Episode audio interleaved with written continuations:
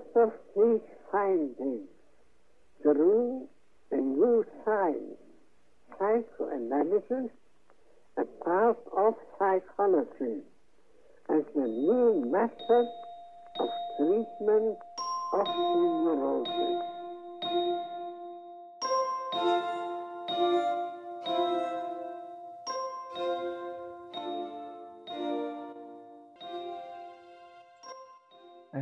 Herkese merhaba. Ee, bir haftanın ardından e, oturumumuz başladığından bu yana yaklaşık 4,5-5 aylık süre boyunca sadece iki kez bu oturumu gerçekleştirmedik.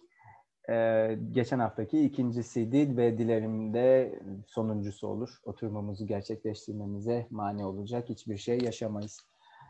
Ee, bu hafta oldukça önemli bir konferansa geçeceğiz.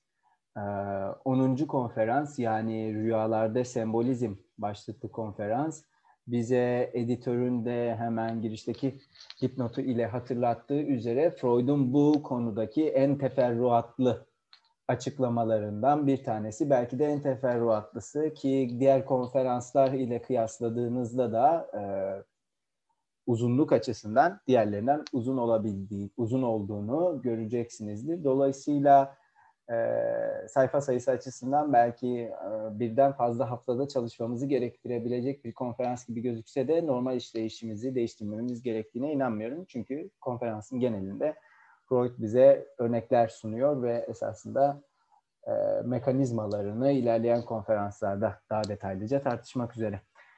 E, geçtiğimiz cumartesi günkü e, söyleşimizi, psikanaliz ve sinema başlıklı söyleşimizi eğer izlediyseniz e, Tuğçe Hoca'nın yap, yaptığı konuşmadan evvel ben naçizane bir giriş sunmaya çalışmıştım ve gayem orada bir çeviri faaliyeti olarak psikanalizi takdim etmekti. Ve bu çeviri faaliyetinin psikanalizin tarihsel gelişimi içerisinde belki tarihsel gelişim Freud'u düşünecek olursak doğru bir ifade bile olmayabilir nihayetinde bir doğrusallık e, ön varsaydığı için ama tarihsel gelişim değil. Tarihsel gelişimi içerisinde Freud'un içerisinde bulunduğu veya daha doğru bir ifadeyle Freud'un farklı çeviri faaliyetlerini e, den bahsetmeye çalışmıştım.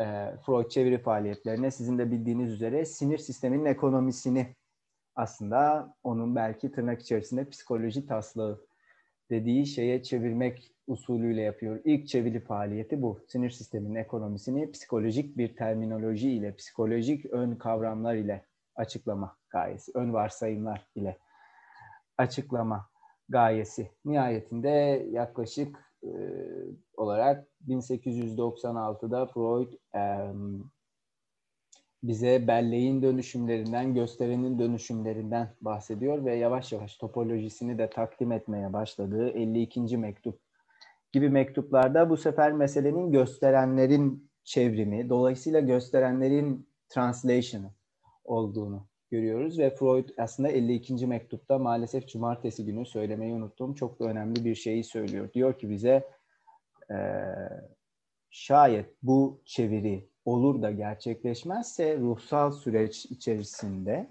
yani bir gösteren e, bir kayıt e, farklı bir farklı bir yaşam dönemine tekabül eden farklı bir kayda dönmezse yani Freud'un topolojik değişimlerinin bir prototipidir bu. Bu topolojik değişim gerçekleşmezse kayıtlar arasında olan şey fizyolojik olarak özür dilerim, psikik olarak açıklanacak olursa olan şey bastırmadır diyor Freud. Yani Freud için çevirinin gerçekleşmemesi durumu bir bastırma durumu.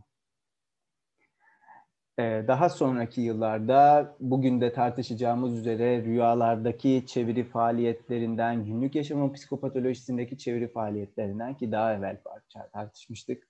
Eserinin belki de tümüne yayılan süreç içerisinde tarihsel çevirinin biçimlerinden, bahsetmek suretiyle Freud aslında bize daima bir dö- dönüşümün, bir çevirinin, belki bir kaderin kuramını sunuyor oluyor. Yaklaşık 40 yıllık psikanaliz yazını boyunca belki daha da uzun kabul edilebilir.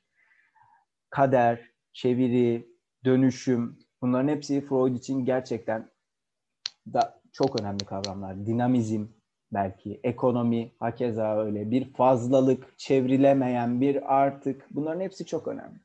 Dolayısıyla bu konferans Rüyalarda Sembolizm konferansı Freud'un eserinin belki hani e, tekniğine mi demeliyim bilemiyorum ama belki mantığına ilişkin önemli bir içgörü sağlayacağı için Freud'un Freud'un malzemesini nasıl bir araya getirdiği, düşler mevzu bahis olduğunda malzemesini nasıl bir araya getirdiğini bize takdim edeceği için vesaire vesaire.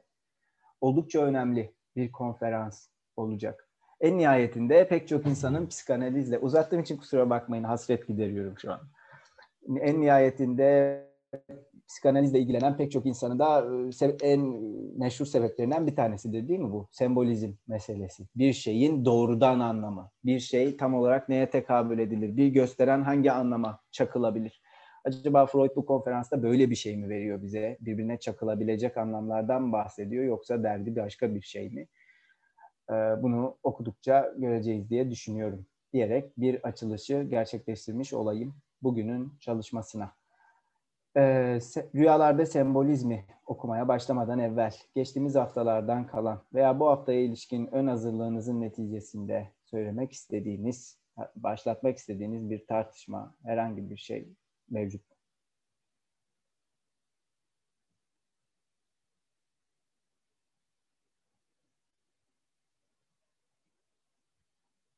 Pekala. O halde ben müsaadenizle okumaya başlayacağım.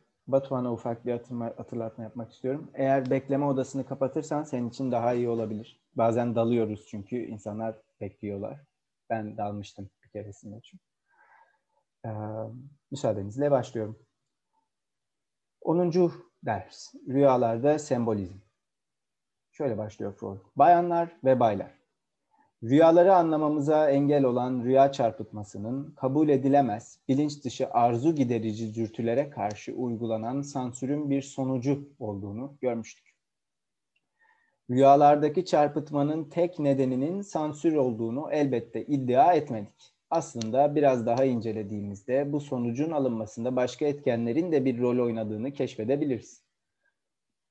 Bu da rüya sansürü çalışmasa bile rüyaları anlayamayacağım, rüya sansürü çalışmasa bile rüyaları anlayamayacağımız ve açık rüyanın gizli rüya düşünceleriyle yine özdeş olmayacağı anlamına gelir, diyor Freud. Devam edelim isterseniz takdimine. Ama şu son cümlesi önemliydi. Bu da rüya sansürü çalışmasa bile rüyaları anlayamayacağımız ve açık rüyanın gizli rüya düşünceleriyle yine özdeş olmayacağı anlamına gelir. Demek ki mesele sadece sansür değil diyor Freud açıkçası. Rüyaların canlı olmasını engelleyen ve rüya çarpıtmasında rol oynayan bu yeni etkeni görmemiz, tekniğimizdeki bir boşluğu fark etmemizi sağlamıştır. Analizdeki kişinin rüyasındaki belli öğelerle ilgili olarak aklına hiçbir şey gelmediği durumlar olduğunu söylemiştim. Bunun iddia ettiği kadar sık olmadığı doğrudur. Birçok durumda önceden ayırma yoluyla kişiden bir düşünce koparılır. Yine de bir çağrışımın ortaya çıkmadığı ya da çıksa bile beklediğimiz sonucu vermediği durumlarda vardır. Psikanalitik tedavide ortaya çıkması halinde bu durumun burada değinemeyeceğimiz özel bir anlamı vardır. Ama bu normal insanların veya kendi rüyalarımızın yorumlanmasında da olur.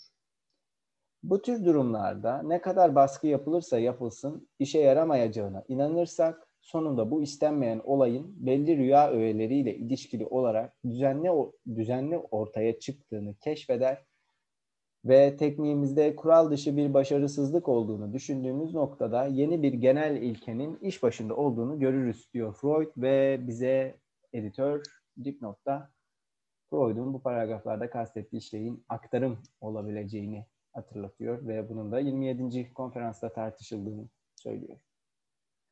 Bu iki paragrafa ilişkili olarak söylemek istediğiniz herhangi bir şey var mı?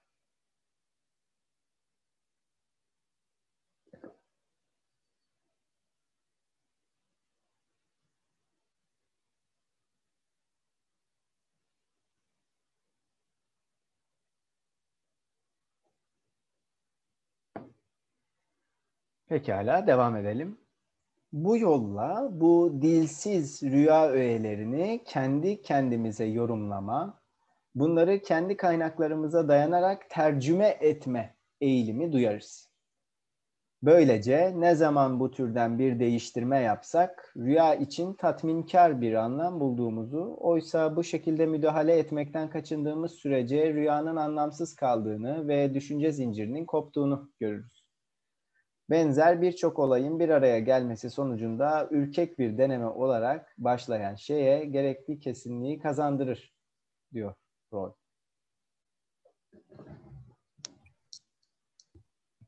Bir şey ekleyebilir miyim? Lütfen ben de müsaadenle bir kapıya bakacağım bilgin olsun. Tamam. Buradaki dilsiz ifadesinin ne demek olduğuna birazcık baktım Almancasına.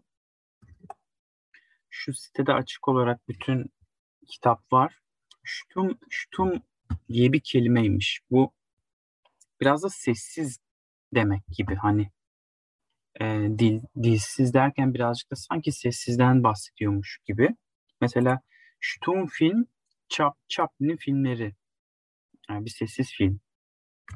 E, Almancasında öyle geçiyormuş.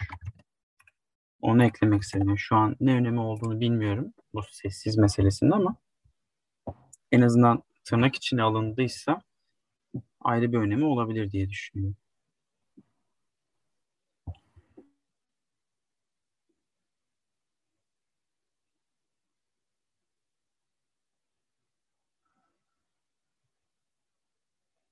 Teşekkürler Batuhan. Bu arada özür dilerim. Tek olduğum için kapı çaldığında bakmak gereği oldu ama biz yanlış basılmış bir zil imiş.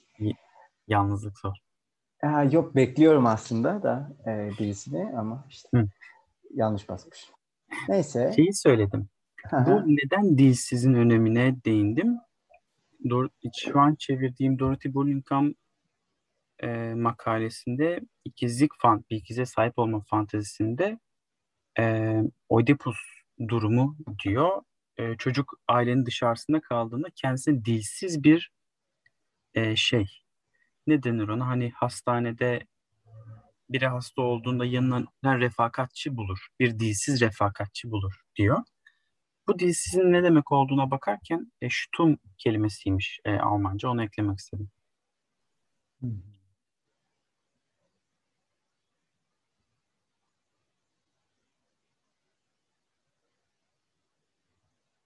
Var mı başka eklemek isteyen, bu konuda katkı sunmak isteyen birisi?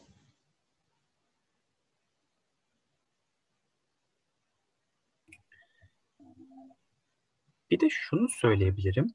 Sanki neredeyse ilk defa kendi kaynaklarımıza dayanarak diye bir şeyden bahsediyor. Yani öncesinde hiç böyle bir ima bile yok diye düşünüyorum. Hani tabii ki rüyaları ya da analitik çalışmanın nasıl yapıldığına dair yöntemlerden bahsediyordu. Ama analitin kendi kaynaklarına dayanması e, bu belki bu bölüme dair benim görebildiğim kadarıyla bir ilklerden olabilir diye düşünüyorum. Şimdi bu noktada şu önemli bence Batuhan. Bu önemli vurgunu şu şekilde desteklemek isterim. Sabah gruba bir bölüm attım bu konferansta. E, Freud'un Otto Rank ve Hans Sachs'ın e, Imago'daki çalışmalarından bahsettiği bir sayfaydı. Bu konferansın ilerleyen bölümlerinde Freud bize e, beslendiği kaynaklardan bahsedecek. Ulusal söylenceler, mitler, antropoloji vesaire. Bunlardan Freud'un başka yerlerde de beslendiğini zaten biliyoruz biz. Hmm, daha evvel de zamansallık ve söylenceler arasındaki benzerlikten bahsetmiş, Sıçan Adam'daki bir dipnota göndermede bulunmuştuk. Bu sebeple buraların üstünden geçiyorum yalnızca. Dilsiz diyor Freud. Ee, belki bunu şu şekilde duyabilmek mümkündür. Tüm bu kaynakların, çeşitli kendi kaynaklarımız, işte çağların kaynakları, arkeoloji, mitler vesaire, şiir, sanat, tüm bunların tüm bunlardan bahsederken Freud'u okuma biçimimizin bir çeşit tırnak içerisinde kolektif bilinç dışına doğru kayması ya da onu hatırlatması riski kaçınılmaz olarak mevcut. Buna risk dememin sebebi şu. Çünkü Freud bizi önceleyen kaynakların bizim psikik ürünlerimizi, bizim psikik süreçlerimizi, semptomlarımızı vesaire doğrudan belirlediğini ya da koşulsuzca belirlediğini iddia etmiyor. Bu önemli bir ayrım. Yani bu kaynaklar benim rüyamı yazdığı kadar ben de rüyam ile bu kaynakları yeniden yazıyorum. Bu tek tarafı olan bir süreç değil veya başlangıç noktasının bir noktaya at, başlangıcını belli bir noktaya atfedebileceğiniz bir süreç değil. Şimdi burada birden fazla kez ben açılışta çeviri meselesinden bahsettim. Freud da burada çeviri tercüme faaliyetinden bahsediyor. Şunu çok iyi biliyoruz biz. Ego ve idin başladığı bölümlerde de Freud'un derdi budur. İşte bilinç dışı makalesinin başlangıcında da Freud'un derdi budur.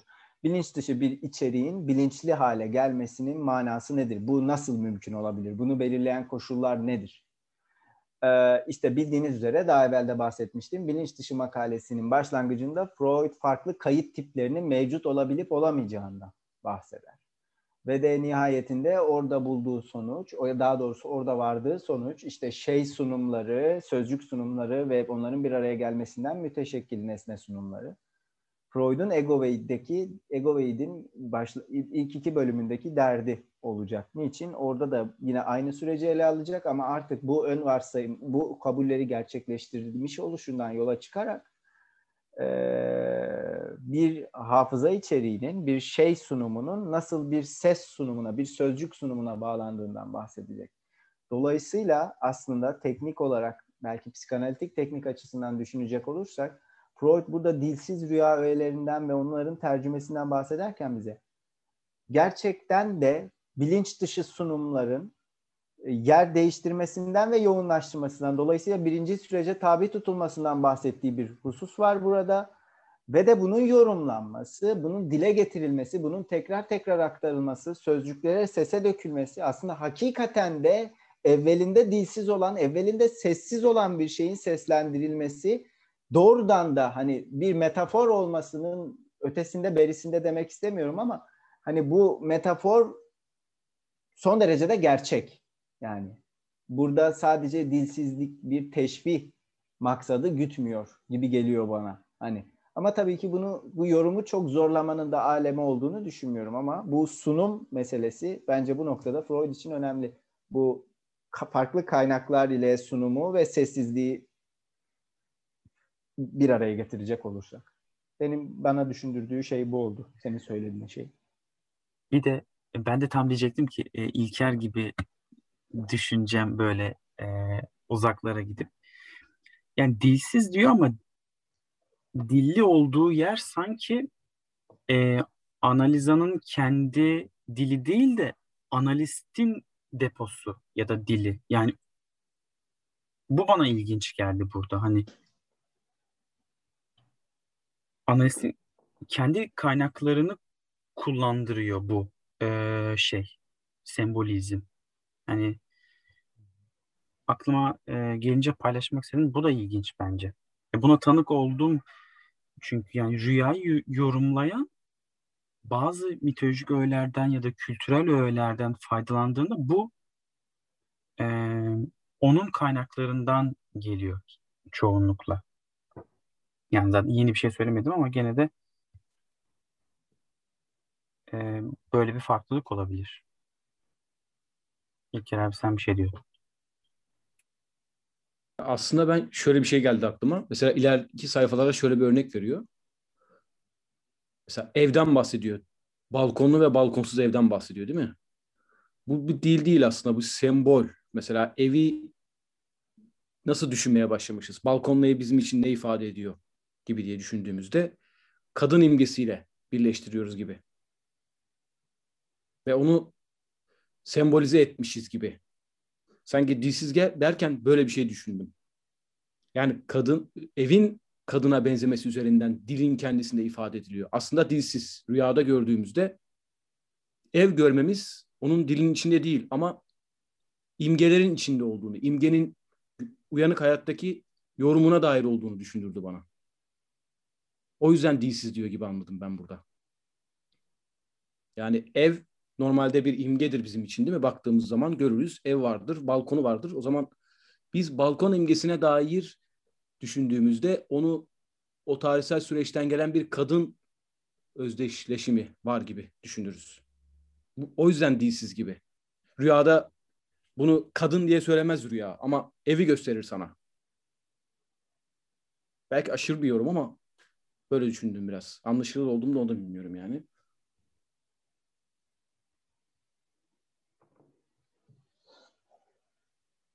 Evet, ben an, doğru anlayıp anlamadığımı teyit etmek için sormak isterim. İlker abi sen burada Freud dilsizlikten bahsediyor. Çünkü rüya bir şeyi onu çarpıtarak göstererek gösterdiği için onu aslında onu dillendirmediği için dilsizdir. Çarpıttığı için dilsizdir diyorsun değil mi? Doğru mu anladım ben?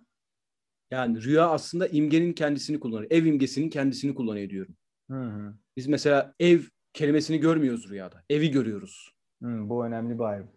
Evde de dış, uyan mesela diyor ya burada ka- kendi kaynaklarımıza dayanarak bizim kendi kaynaklarımızda ev ne imgeliyor diye düşünüyor. Kadına tekabül ediyor gibi düşünüyor. Zaten Hı hı. metin de bunun üzerinden gidiyor gibi anladım. Doğru mu anladım? Tabii bir yorum yani. Teşekkürler İlker abi, Batuhan. Ee, eklemek istediğiniz başka bir şey var mı? Devam edeyim mi?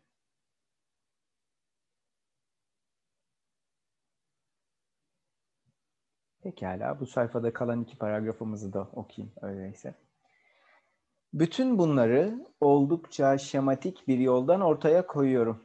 Ama anlatım açısından bu kabul edilebilir bir şeydir. Bu yolla konu çarpıtılmış değil, sadece basitleştirilmiş olur. Bu yolla tıpkı popüler rüya tabiri kitaplarında rüyalardaki her şeyin, bakın her şeyin italik yazılmış. Bu çok çok önemli bir şey bence. Rüyalardaki ben hayal görmüyorum değil mi italik gerçekten?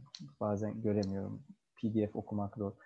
Rüyalardaki her şeyin bir karşılığı olması gibi biz de çeşitli rüya öğeleri için sabit bir tercüme karşılığı elde ederiz. Çağrışım tekniğini kullandığımız zaman rüya öğeleri için yapılan sabit değiştirmelerin hiçbir zaman ortaya çıkmadığını unutmayın. Bu paragrafı tekrar okumaya gerekebilir. Bu yolla tıpkı popüler rüya tabiri kitaplarında rüyalardaki her şeyin bir karşılığı olması gibi biz de çeşitli rüya öğeleri için sabit bir tercüme karşılığı elde ederiz. Çağrışım tekniğini kullandığımız zaman rüya öğeleri için yapılan sabit değiştirmelerin hiçbir zaman ortaya çıkmadığını unutmayın diyor Freud.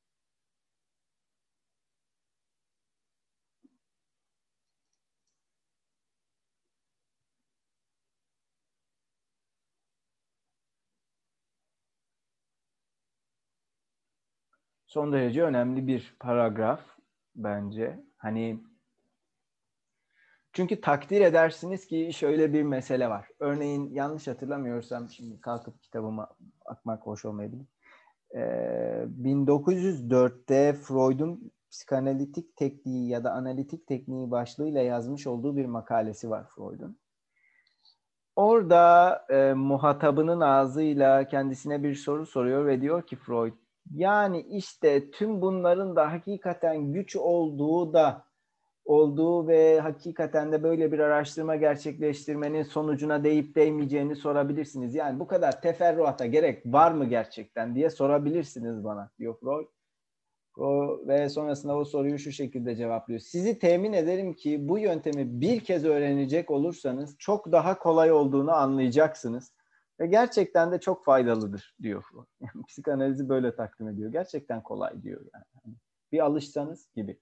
Şimdi dolayısıyla serbest çağrışım ile bir rüya tabiri kitabını mukayese etmesi çok mühim bir mesele. Çünkü örneğin ne niçin mühim? Şu, şu şekilde ikililer yani ikililer kurarak düşünmek tehlikeli olabilir ama örneklerin çeşitliliği açısından. Bir yana serbest çağrışımı ve diğer yana rüya tabirleri kitabını koyalım tamam Sonra bir başka örneğe geçelim ve şöyle yapalım. Bir yana bir psikiyatrik anamnezi koyalım ve diğer yana psikanalitik tarih yazıcılığını koyalım. Örnek vermek gerekirse. Dolayısıyla betimleyici bir psikiyatriyi koyalım bir yana. Diğer yana da e, psikanalitik manada aş, aşırı belirlenimci bir mantığı koyalım. E, dolayısıyla Freud eğer bu noktada bir rüya tabiri kitabı seviyesinde kalabiliyor olsaydı yapıyor olduğu iş bir betimleyici psikiyatriden daha fazlası olmayacaktı. Bu önemli bir mesele. Çünkü belirli gösterenlerin hangi gösterenlere karşılık geldiğini ya da belirli gösterenlerin hangi anlamlara karşılık geldiğinin bir listesini muhatabına sunacak ve nihayetinde analiz işi gerçekleşmiş olacaktı. Dolayısıyla bu mukayeseye gitmesi ama ilerleyen paragraflarda hani meselenin serbest çağrışımın bu diğer tekniğe değişmesi olamayacağını, bu e, sembolizm meselesinin ancak serbest çağrışımı destekleyebilecek bir şey olacağını, olabileceğini özellikle söylemesi Freud'un aslında onun kendi tekniği ya da kendi mantığı açısından da önemli sonuçları var. Bu mühim bir karşılaştırma. Burada yaptığı karşılaştırma gibi geliyor bana.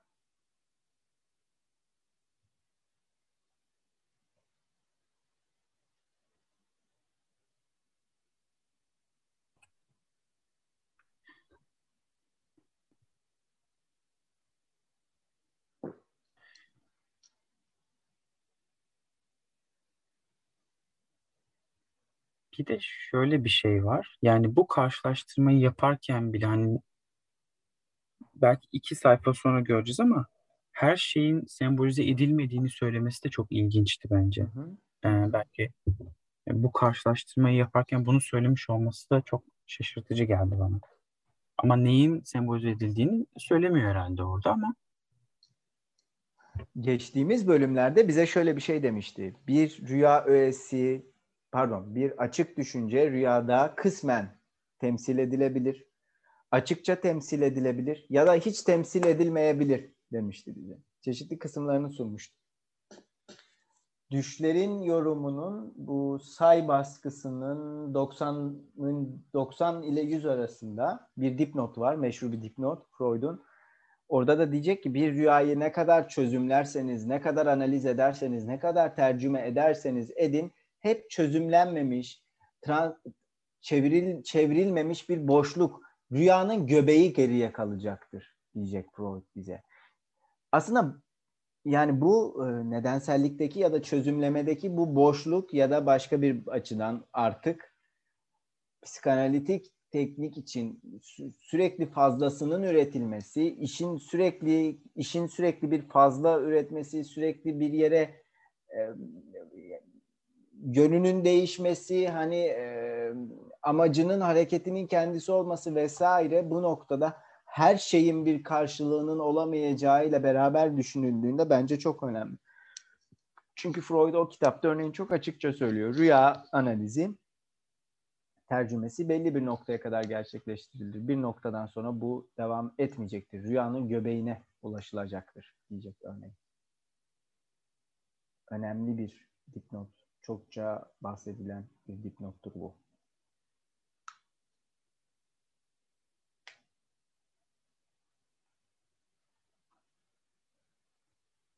Ama tabii bu noktada mesele şu olur. Her şey sembolize edilemiyorsa sembolize edilemeyen şey nedir ya da sembolize edilemeyen şeyi ne belirler ya da daha başka bir ifade ile belki acaba sembolize edilemeyen şey sembolize edilebilen şeyleri belirliyor olabilir.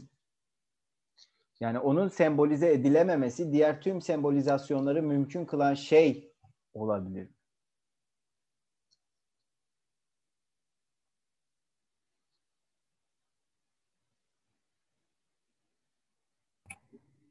Ne anlamda?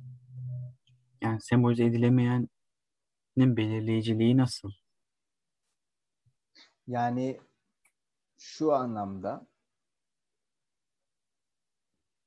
aslında bunu söylerken doğrudan dusting'den bahsediyorum. Yani hani lafı çok dolandırmaya da gerek olduğunu zannetmiyorum. Yani e, daha Freud'un bize bilinç dışında For, Vorstellung'un mantığını sunduğu an çatallanan, çatallanmaya yazgılı bir şeyin e, esasında gösterme işlemini gerçekleştirmeyi mümkün kılabilecek yegane şey olduğunu söylüyorum aslında. Başka da hiçbir şey söylemiyorum. Mesele sadece gösterilemeyen ancak kendisine yaklaşılabilen şeyin etrafında gerçekleştirilen bu dans ya da bu hareketin kendisi olabilir. Çünkü eğer söz yalnızca ve yalnızca kendi anlamına tekabül edebilseydi, eğer olduğu gibi olan, mesela Freud'un yola çıkışı neydi? Olduğu gibi olmayan fenomenler var demişti Freud bize ilk konferanslarda. Biz de sormuştuk yani nasıl olabilir bir fenomenin olduğu gibi olması ne demek ki olduğu gibi olmaması bir problem teşkil etsin? Veya işte e, belki cinselliğin bulaşıcılığı diyebileceğimiz şey Slavoj kendini tutamayan boşluğun ilk bölümlerinde bahseder. Her şey cinsellikle ilişkilidir. Çok basit bir sebebi var. Çünkü cinselliğin kendisi denen bir şey yoktur ya da cinsellik işaret edilebilecek bir şekilde cinsellikle ilişkili değildir. Yani hareket kendisi üzerine kapanan bir hareket değildir. Psikanalizde başlangıç ve sona dair tüm problemler bu şekildedir. Örneğin işte Freud'un ur önekiyle yazmış olduğu bir sürü kelime. Hep çatallanırlar. Hep birden fazla şeye delalet ederler. İşte Urverdrängung'dan bahseder Freud. Örneğin asal bastırma ya da orijinal bastırma diyebilirsiniz ne olur? İkiye bölünür. Bastırma, Verdrangung ve Nachtrangen artçı bastırmaya bölünür. Urfater'den belki orijinal esas babadan bahseder Freud. Sonra ne olur o? Bir ölü babaya ve bir de bir sembolik babaya dönüşür. Ee, Urfort'tan bahseder. Örneğin bu kelimelerin ilkel anlamları üzerine makalesinden. Ama Urfort çatallanır. Urfort çatallanır çünkü dürtülerin çatışmasını görür Freud Urfort'ta veya Vorstellung'dan bahsetmek için Ding Vorstellung'dan ve Fort Vorstellung'dan bahseder. Bir kez daha çatallanır. İlişkiyi yani hani bilinç dışında şey sunumunun kendisi birinci süreçlere tabiyken sürekli olarak devinirken ekonomik e, ekonomik yatırımlar ve yatırımların geri çekilmelerine maruz kalmaktayken diğer bir yanda da daima onun bir sözcük sunumuna bağlanması, sözcük sunumuna bağlanarak iş görmesi meselesi vardır. Örneğin Freud 52. mektupta der ki benim teorimde yeni olan tek şey hafızanın bir kere ve sonsuza kadar geçerli olacak şekilde kurulmadığı gerçeğidir. Hafıza sürekli olarak yeniden ve yeniden kurulur der Freud ama nasıl yeniden yeniden kurulur? Bunu da şu şekilde açıklar. Bir gösterge gelir, bir e, ekonomik, psişik ekonomik dağılımı tetikler o göstergenin kendisi ve nihayetinde hafızanın yeniden kurulması gerekir diyecek bu. Hani e, umarım biraz daha açıklayabilmişimdir. Hani bu bana yani Lacan'ın televizyon metninin başında ben şimdi size hakikati konuşuyorum. Ben daha doğru bir ifadeyle ben hakikat konuşuyorum ama ancak belli bir kısmını konuşuyorum. Çünkü hakikatin tamamı konuşulamaz demesi doğrudan bununla alakalı bir mesele gibi geliyor bana. Ya da başka bir ifadeyle dile getirmek gerekirse belki tüm bu çatallanmalar mevzu bahis olmasaydı örneğin ur ön ekinin etrafındaki tüm bu çatallanmalar zaten psikanalize ihtiyaç olmazdı. Ee, psikanaliz sadece bir şeyin ne ise o olmadığı durumda yani her durumda gerçekleşmesi muhtemel ekonomik tüm süreçleri analiz etmekle mükellef veya analiz etmeyi kendisine iş bellemiş bir pratikten başka bir şey değil. Ee, dolayısıyla her şey sembolize edilebiliyor olsaydı e, hiçbir şeyin sembolize edildiğinden bahsetmezdik. Çünkü her şey sembolize edilebiliyor olsa zaten her şey sembolize edilmiş olur. Dolayısıyla hiçbir anlam boşluğu olmaz ve bir şeyi daha sembolize etmenize ihtiyaç yoktur artık. Çünkü zaten her şey sembolize edilmiştir. Ama her şey sembolize edilemediği takdirde sürekli olarak başka şeyleri başka birbirine bağlayarak, birbirinden ayırarak, yerini değiştirerek, yoğunlaştırarak sembolize etme sürecine devam etmeniz, ekonomik devinimi sürdürmeniz ya da ekonomik devinimin kendi kendisine sürmesi gibi bir hadise söz konusudur. Örneğin Freud 1888'de histeri için der ki yani histerik sinir sistemi içerisinde bir artık bir fazlalık vardır. Bu artı fazlalığı sisteme dağıtabilirsek o e, aşırı yüklü afekti örneğin dağıtabilirsek sinir sisteminin her tarafına terapötik olarak yapmamız gereken de budur. Kişi iyileşir.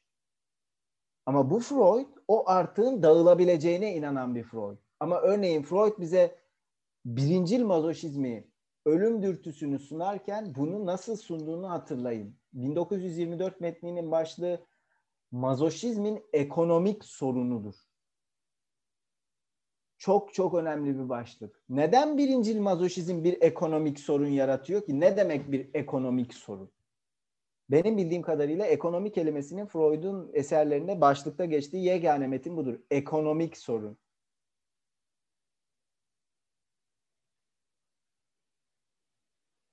Çünkü ekonomik sorun, çünkü ölüm dürtüsü dağıtılamıyor. Bu yüzden ekonomik sorun. Ortadan kalkması gibi bir durum söz konusu değil. Çünkü ölüm dürtüsü tüm diğer dürtüleri işaretliyor. İmkansızlık ile, hareketin hareketin kes, sürekliliği ile vesaire. Çok uzatmak istemem. Benim düşüncem bu. Bu yüzden bahsetmiştim bu mesele.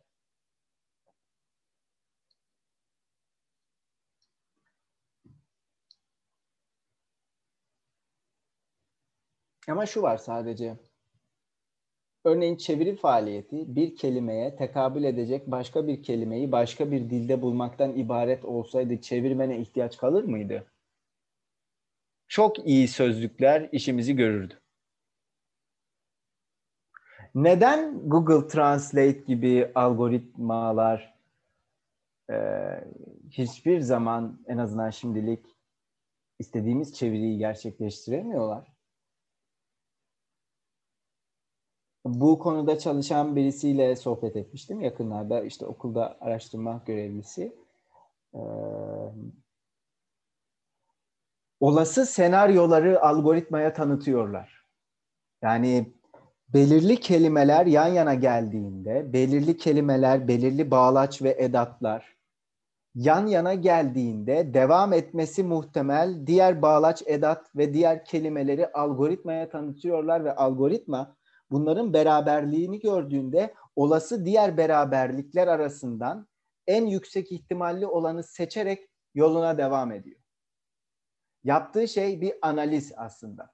Ekonomik açıdan en çok işine yarayabilecek olanı tercih ediyor. Yaptığı şey bir tercih. Ama nihayetinde şu var.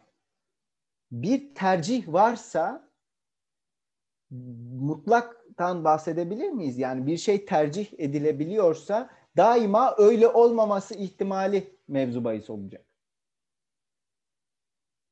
E böyle bir durumda örneğin her şeyin sembolizasyonundan bahsedemezdik.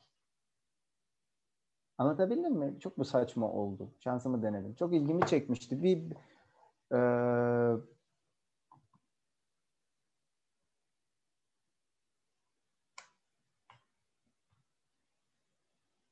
Leyla Hoca bir yorum yazmış. O, şey ses kaydını dinleyenler için okuyayım. Dil bilim açısından tamlama sistemi diller arasında çok farklı çeviride mümkün olamayan zorluk bundan kaynaklıdır demiş Leyla Hoca. O yüzden o yüzden bu yüzden çeviride ek kök bağı zorlanıyor demiş ki buna da katılıyorum. Ee, mesela ben kendi adıma örnek vermek gerekirse çeviri yaparken bazen şunu hissediyorum cümleyi okuyorum, cümleyi anlıyorum. Mesele şu. Bunu nasıl Türkçe'de ifade edebileceğim konusunda bir şüphem var. Yani anladığım şeyi nasıl yazmam gerektiğini bilmiyorum. Bu çok büyük bir problem. Cümleyi okuyorsunuz, onun ne kastettiğini anlıyorsunuz. Ama onun ne kastettiğinizi anlamanıza rağmen onu döndürerek anlatmaya çalışıyorsunuz. Bir türlü ne yaparsanız yapın işte o olmuyor yani hani.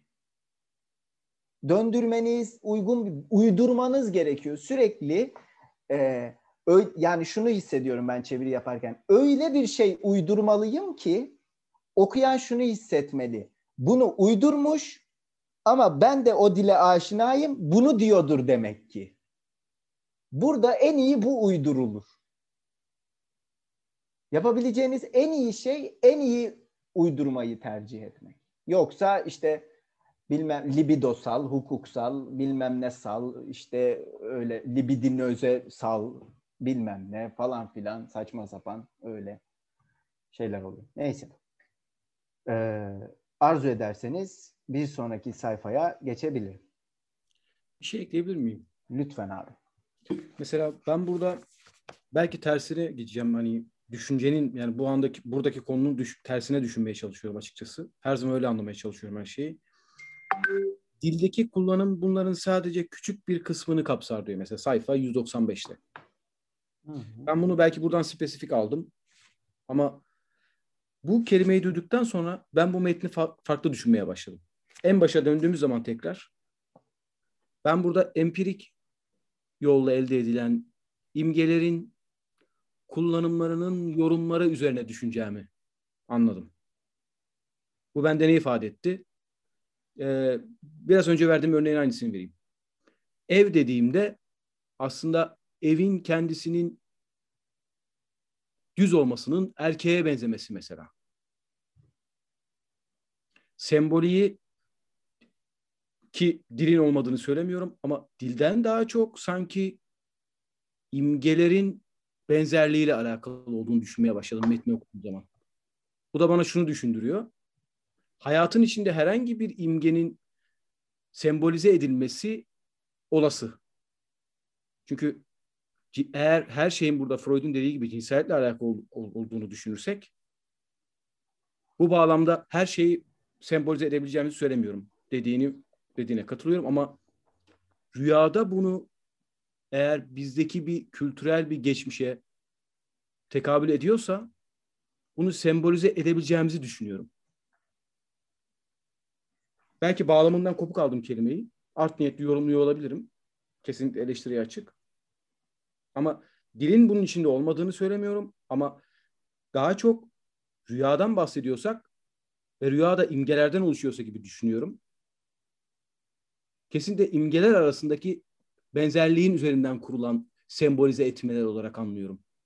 Bir yanı da bu diyorum ya da. Öyle diyeyim ya da. Bir yanı da bu gibi. Ben bir şey söylemek istiyorum. Ee, yani az önce Şahin'in söylediklerinden sonra aslında benim aklıma gelen biraz o oldu. Ee, her şeyi sembolize edememek. Yani e, şimdi Lacan'da düşündüğümüzde hani bir bebek ağladığında annenin e, ona verdiği cevap hani neden ağladığını bilmiyor sonuçta. Önce işte meme vermeye çalışabilir, altını açar, bir yeri ağrıyor mu bakar. Yani aslında bu noktada düşündüğümüzde hani özne hep orada e, talebinin hani ıskalandığı bir yerde. E, dil bağlamında düşündüğümde bana biraz bunu çağrıştırdı. Özellikle o öznelliğin kurulumu bu e, hani özdeşleşme ve yabancılaşma diyalektiyle birlikte o öznenin kurulumu. E, biraz bu yani her şeyi sembolize etmenin mümkün olmaması bana bunu düşündürdü aslında en başında. Yani artıktan da bahsettiğimizden dolayı biraz nesne üzerinden düşündüm. Ee, ama bir de şu da var tabii ki bu sembolize etme. Hatta geçen gün o sinema e, üzerine hani olan oturumda da buna galiba değinilmişti. Ee, en basitinden sinemada birçok filmde e, suyun içinde olmanın e, ana rahminde olmakla ilişkili olarak orada e, kullanılan bir şey olması. Yani e, ki bu çok fazla rastlanan bir şey. E, bu noktada bazılarının belki sembolize etmek e, mümkün ama e, tam anlamıyla bunun mümkün olması olmamasını ben biraz tamamen bu en başında öznenin kurulumundaki bu ıskalamayla biraz e, ilişkilendirdim. Bilmiyorum doğru bir yerden mi oldu ama en azından bana bunu düşündürdü.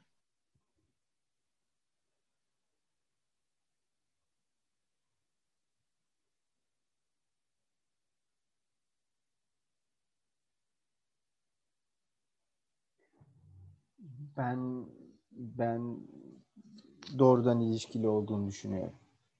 Yani benim aklımda da farklı şeyler yoktu. Ama senin kadar iyi ifade edemezdim. O yüzden teşekkür ederim. Um, İlker abinin meselesiyle ilgili olarak bir kez daha size bahsetmiştim. Bu Ego ve İt'teki 347. sayfadan yine bahsediyor olacağım. Çünkü bu sayfada çünkü bu, burada Freud'un doğrudan meselesi sözcük sunumları, anı kalıntıları, görsel algılar, görsel algılarla düşünmenin bilinç dışına daha yakın bir şey olduğunu Freud'un savunması ama bunun yani bunu doğrudan okumak çok makul olacaktır. Eğik yazıyor. Şeylere ait olduklarında görsel minemik kalıntıların önemini unutmaya ya da düşünce süreçlerinin görsel kalıntılara bir geri dönüş yoluyla bilinçli hale gelmelerinin olası olduğunu ve bunun pek çok insanın yeğlediği bir yöntem olarak görüldüğünü belki de basitleştirme adına yatsımaya yönelmemeliyiz. Warendorf'un gözlemlerinin gösterdiği gibi düşlerin ve bilinç öncesi düşlemlerin incelenmesi bu görsel düşünmenin özel niteliğine ilişkin bir fikir verebilir. Onda bilinçli hale gelenin genellikle yalnızca düşüncenin somut konusu olduğunu ve bu konunun çeşitli öğeleri arasındaki ilişkilere ki bunlar temelde düşünceleri niteleyen şeylerdir. Görsel ifade verilemediğini öğreniriz. Dolayısıyla resimlerle düşünmek bilinçli hale gelmenin fazlasıyla tamamlanmamış bir biçimidir. Yine bir biçimde bilinç dışı süreçlere sözcüklerle düşünmekten daha yakın durur ve kuşkusuz hem bireysel gelişim hem de türsel gelişim olarak sözcüklerle düşünmekten daha eskidir. Savımıza geri dönersek, bu nedenle eğer kendi içinde bilinç dışı olan bir şeyin bilinç öncesi hale gelme biçimi buysa bastırılmış olan bir şeyi nasıl bilinçli hale getiririz sorusu şu şekilde yanıtlanır. Çözümleme çalışması yoluyla bilinç öncesi ara bağlantıları sağlayarak. Bu durumda bilinç olduğu yerde kalır ama öte yandan bilinç dışı bilince yükselmez. Bu bence İlker abinin söylediği meseleyle doğrudan ilişkili Freud için. Şu da çok önemli bakın. Resimlerle düşünmek bilinçli hale gelmenin fazlasıyla tamamlanmamış bir biçimidir diyor Freud örneğin burada. Ee, ve de biz de örneğin rüyalarda hiçbir zaman düşünceleri ya da örneğin arzuyu diyelim birbirine bağlayan bağlaçlar olmadığında neden sonuç ilişkisinin ne bu şekilde yani bağlaçlar veya edatlar vesaire ile kurulabilecek kadar hani e, linguistik ne de zaman ile yani öncelik sonralık örneğin ilişkisi ile açıklanamayacak kadar zamansal olduğunu biliyoruz. Freud'un bize bilinç dışına dair söylediği iki önemli mesele bunlar. Ve dolayısıyla buradaki zamansallık ile ilişkili olarak arzunun Arzu'nun bu gösterinin devinimini nasıl mümkün kıldığına ilişkin mesele bence önemli. Ama metinden daha fazla uzaklaşmamak gerektiğini düşünüyorum. Eklemek istediğiniz başka bir şey yoksa 191. sayfayı okumaya devam edeceğim.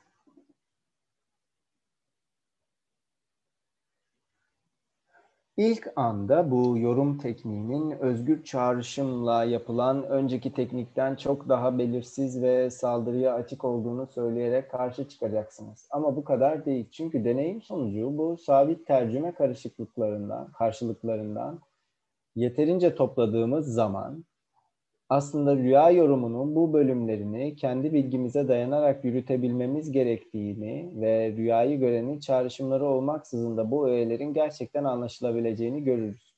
Bu öğelerin anlamını nasıl bilebildiğimiz bu dersin ikinci yarısında açıklık kazanacak. Bu rüya öğesiyle tercümesi, bir rüya öğesiyle tercümesi arasındaki bu türden sabit bir ilişki, sabit bir ilişki, sembolik ilişki rüya öğesinin kendisi de bilinç dışı rüya düşüncesinin sembolü olarak tanımlanır.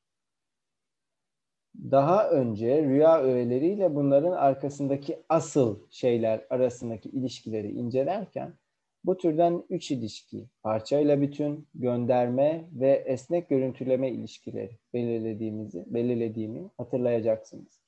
Orada bir dördüncünün olduğunu söylemiş ama adını vermemişti. Bu dördüncü ilişki şimdi anlattığım sembolik ilişkidir. Bu çok daha ilginç tartışmalara açıktır. Sembolizme ilişkin gözlemlerin ayrıntılı sonuçlarını vermeden önce bu tartışmalara değineceğim demiş Freud bize.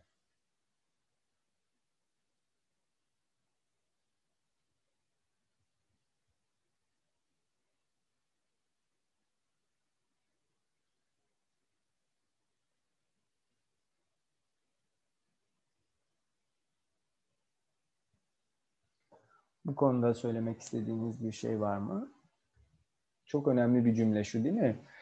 Ee, bu sabit anlamlardan yeterince toplarsak rüyanın yorumu için kendi bilgimiz yeterli gelecektir diyor Freud. Acaba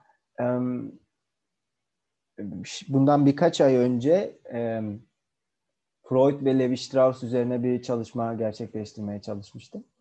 Hatta buradan bazı kişilere de o makaleyi göndermiştim. Ee, hüzünlü dönencelerde miydi? Yaban düşüncede miydi? Hatırlayamıyorum. Galiba hüzünlü dönencelerdeydi. Hüzünlü dönencelerde Levi Strauss'un e, bir ulus, bir ulusun, bir topluluğun söylemlerini analiz etmek konusundaki ya da söylemlerini bir yapıya dökmek konusunda neredeyse aynı arzuya sahip olduğunu bilmek gerçekten çok şaşırtıcı. Çünkü o da hani birçok eğer o topluluğa ait rüya içeriklerine, işte oyunlara, yedikleri yemeklere, giydikleri şeylere, her şeyin bilgisine sahip olsaydık, bunları sayıp dökebilseydik, onların işte bu söylencesini pekala analiz edebilirdik diyor örneğin Levi Strauss. Ama mesele şu. Böyle bir şey gerçekten yapılabilir mi? Tamam. Böyle bir hayalleri ya da böyle bir iddiaları var. Ama bu gerçekleştirilebilir mi? Bu gerçekçi bir mesele mi? Ya da gerçekten bunu istiyor olabilirler mi? Dert bu mu? Yani bu sonlu bir çalışma olabilir mi? Bence soru bu bu noktada sorulması gereken. Hani Freud da açık bir şekilde diyor. Evet olsaydı çok işimize yarardı. Ama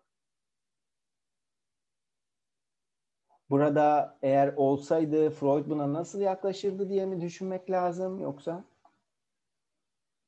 başka bir mesele mi var? Ne söylemek istersiniz? Bilemiyorum bu konuda. Merak ediyorum. Ee, şey benim dikkatimi ilk paragraf, paragraftaki ilk bölüm çekti de. Hı hı. E, ilk anda bu yorum tekniğinin özgür çağrışımla yapılan önceki teknikten çok daha belirsiz ve saldırıya açık olduğunu söyleyerek karşı çıkacaksınız diyor. Bana burada e, yani bir gösterenin sabit bir anlama çakılması mı daha belirsiz olur yoksa çağrışımsal bir anlamla e, anlam bulması mı daha belirsiz olur? Onu düşündürttü yani. Bence buradaki teknik yani sembolizm tekniği çağrışımsal tekniğe göre daha güvenli bir yorum gibi geldi bana da ama Freud burada ters söylemiş sanki. O dikkatimi çekti benim.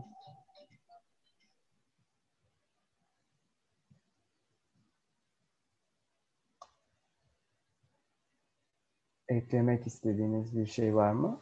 Arda'nın yorumuna.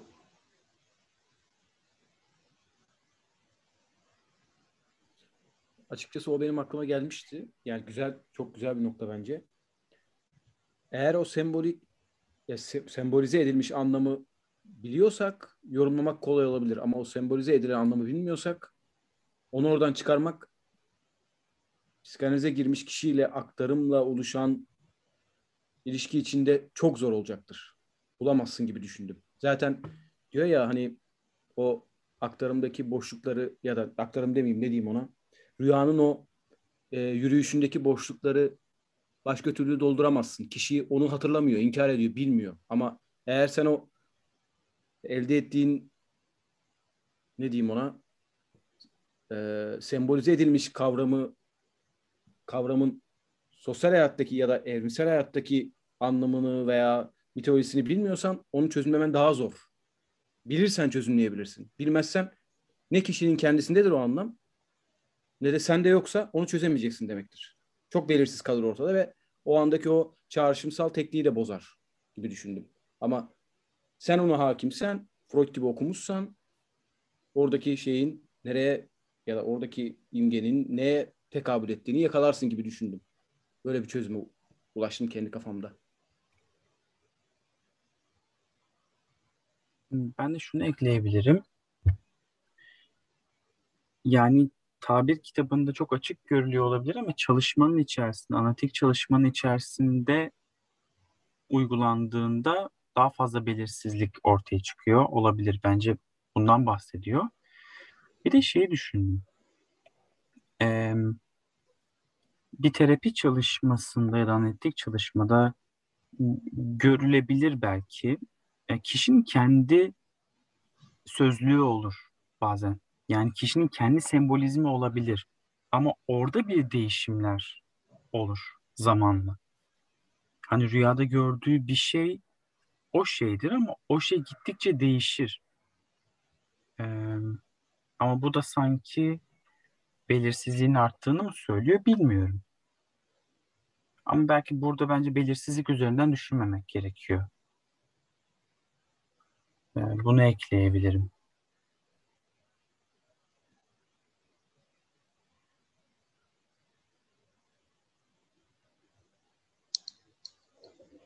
İlker abi, Batuhan, Arda teşekkürler. Ee, eklemek istediğiniz bir şey var mı bu konuda?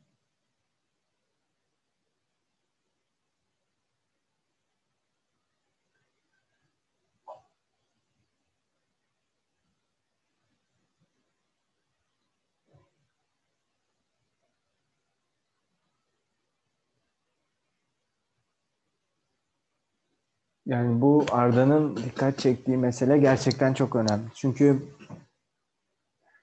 kağıt üzerinde e, eğer bu e, yaygın diyelim ya da genel geçer diyelim sembolik anlamlar herkesin malumu olsalardı ve de rüyanın açıklaması buna istinaden gerçekleştiriyor gerçekleştiriliyor olsaydı e, bu noktada gerçekten de yoruma gerek kalmaz. Dolayısıyla serbest çağrışımdan daha huzurlu olabileceğimiz bir pozisyonda bulunduğumuz söylenebilirdi. Açıklamacı açıklamayı sunan kişi tarafından.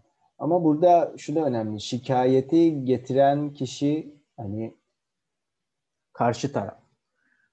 Ee, ve de hani siz bu şekilde rüya görüyorsunuz. Çünkü herkes bu şekilde rüya görür ve eğer rüyanızda bu an, bunu görüyorsanız bunun anlamı şudur. Çünkü herkes rüyasında bu an bunu görüyorsa bunun anlamı şudur diyorsunuz kişiye. Bu gerçekten de şikayet e, eleştirilmesi eleştirilmeye çok açık bir mesele. E, yani ya, tarihte yapısalcı düşüncenin de niçin eleştirildiğini az çok göz önünde bulunduracak olursanız bu eleştiriye çok açık. E, bu var e sende de bu var demek ki hani bu bu ise bu ön varsayımları karşılıyorsan senin rüyan budur demek. Şimdi şöyle bu böylesi bir açıklama sunduğunuzda ve bu açıklamada kişinin öznel tarihine, Batuhan'ın deyimiyle sözlüğüne dair hiçbir e, değişken mevzu bahis olmadığında siz kişiyi tarihsel koşulların ürettiği, tarihsel koşullardan ibaret bir şeye indirgiyorsunuz. Bu şey bir özne bile değildir. Dolayısıyla bu çok fazla eleştiri alır. Çok şiddetli olacaktır bu. Yapısalcılık da aşağı yukarı benzer sebeplerle eleştiriliyor değil midir zaten? Yani Freud'un buradaki yani hani beklediği eleştiri bence bu diye düşünüyorum ben. Ama kendisini sağlama alıyor. Bu noktada sadece şu ilginç. Böyle bir eleştiriye karşılık kendisini sağlama alan Freud'un yaklaşık 5-6 konferans evvel psikik alanda özgürlük diye bir şey yoktur dediğini hatırlıyoruz. Ve o zaman şunu sormamız gerekiyor. Nasıl oluyor da bu iki yaklaşım birbiriyle çelişmiyor? Nasıl olacak da bir anda özgür, psikik alanda özgürlük yoktur diyecek ve bu konuda çok radikal olacak olan Freud. Diğer bir yandan bakın şimdi ben size e, bazı rüya içeriklerinin antropolojik, söylensel, mitik vesaire e, anlamlarını sunuyorum. Gerçekten de bununla ilişkilidir ama merak etmeyin biraz da sizinle ilişkili dediğinde eleştiriye karşı kendisini savunuyor olacak. Bu bence şey böyle aklımızın bir köşesinde tutarak okumaya devam etmemiz gerekiyor gibi geldi bana bu noktayı. Önemli bir mesele bu. Yani Freud'un kalıtım anlayışı açısından, Freud'un tarihsellik anlayışı açısından hiçbir koşulda zaten böyle bir şey hani böyle bir pozisyonu koşulsuz şartsız benimseseydi Freud zaten çağrışımsal açıdan da bu pardon özür dilerim onun yaklaşımı açısından da geri eserinin geri kalan her yeri ile e, tutarsız olacaktı. Levi Strauss'la ilgili olan paragrafı buldum ve de yapısalcılık meselesiyle ilişkili olabileceği için burada müsaadenizle onu okumak istiyorum. Çok uzun değil. Hani neyi kastettiğimi açıklamak istiyorum. Burada Freud'un hani çünkü antropolojiden vesaire bahsetmesi, işte toplumların paylaştığı belki kolektif bazı anlamlardan bahsetmesi bence psikanalizin burada nasıl olur da dil bilim ya da antropoloji gibi bilimlerle bilimlerle bir araya getirildiği Freud'un hatta bu konferansta bize niçin kültürel çalışmaları kültürel çalışmaları savunduğu ve de tarihsel süreçte ilerleyen yıllarda bu buradan doğacak ortaklıklar açısından niçin önemli olabileceği bu pozisyonu kuvvetlendiriyor. Şöyle, Levi Strauss Hüzünlü Dönencilerin 20. bölümünün bir yerli toplumu ve onun yaşam tarzı İlk paragrafında eserinin ya da projesinin amacı denilebilecek şeye dair kıymetli bir özet sunar. İlk cümlelerini alıntılayacağım Hüzünlü Dönencilerin 194. sayfası. Bir halkın göreneklerinin bütünü her zaman belirli bir tarzdadır. Bu görenekler dizgeler oluşturur. Ben inanıyorum ki bu dizgelerin sayısı sonsuz değildir. Levi Strauss'a göre tüm görenekler, oyunlar, düşler, psikopatolojik davranışlar bir araya getirilebilir ve bir çizelgeye dönüştürülebilirse Araştırmacıya kalacak tek şey karşılaştığı olgunun bu çizelgedeki yerini tespit etmek olacaktır. Tam olarak bu nokta ilk bakışta belki de onun eserinin Freud'unki ile en uzak olduğu husus kabul edilebilir. Zira böylesi bir çizelgenin varlığının sonuçları duygu yahut dürtünün varlığını inkar etmeye dek varabilir ki bu da benim alıntıladığım Rossi ve Scholte gibi araştırmacıların görüşlerini destekler. Ben bu şekilde düşünmüyorum. Bunun iki sebebi var. İlki, niçin bu noktada Levi Strauss'un projesi bitmiş olarak kabul edilebilir? Böylesi bir çizelgeyi tahayyül etmesinin onu sevk ettiği çalışma bu tahayyüle istinaden değerlendirilebilir mi? Burada kastettiğim şey şu. Levi Strauss böyle bir şeyin hayalini kuruyor ama eserini motive eden şey tıpkı Freud gibi böyle bir çalışmayı gerçekleştirmek. Burada eseri bitmiş gibi düşünülerek bitmiş oluşu üzerinden eleştirilemez. Önemli olan şey bu eseri yazmaya, bu eseri kurmaya, çalışmaya devam etmesinin ta kendisi. Freud için de aynı şey geçerlidir. Bunu yapmaya çalışmaya devam edecek ve bu onun eserini dürtmeye, bu onun eserini güdülemeye devam edecek. Bu ayrı bir şeydir.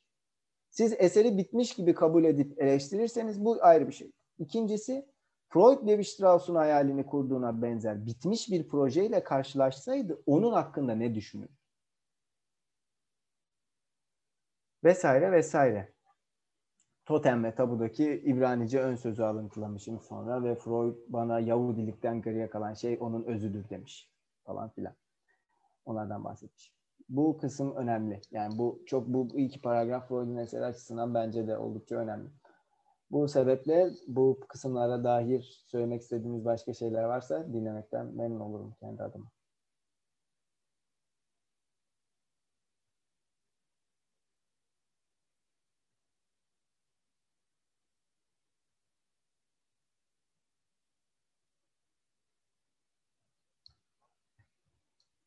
Pekala. O zaman 191'in son paragrafını okuyayım. Biraz uzunca bir paragraf.